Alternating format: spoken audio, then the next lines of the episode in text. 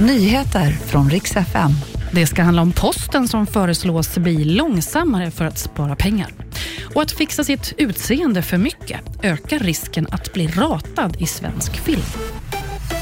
Vi ska börja med att Finland inte har ändrat sig och vill fortfarande att Finland och Sverige ska söka till NATO tillsammans. Det säger Finlands utrikesminister.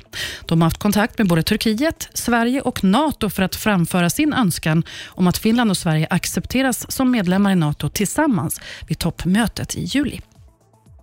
Så ska det handla om posten. Framöver kan det nämligen gå lite långsammare. En utredning föreslår att Postnord framöver får tre dagar på sig istället för två när de ska dela ut brev. Utredaren säger att Sverige ändå kommer ha Nordens bästa postutdelning och räknar med att det här kan spara mycket pengar.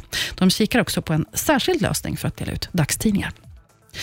Som skådespelare vill man ju se bra ut, men att fixa sig för mycket det kan öka risken att bli ratad i svensk film och tv-produktion. Det här rapporterar Kulturnytt. Flera rollsättare bekräftar att de vill inte ha skådisar som ser för fixade ut. Ett skäl är att filmer kan ha en historisk tid. Ett annat är att för mycket fillers och botox gör att man kan göra ett sämre jobb om man förlorar sina ansiktsuttryck. Det var nyheterna. Jag heter Maria Granström.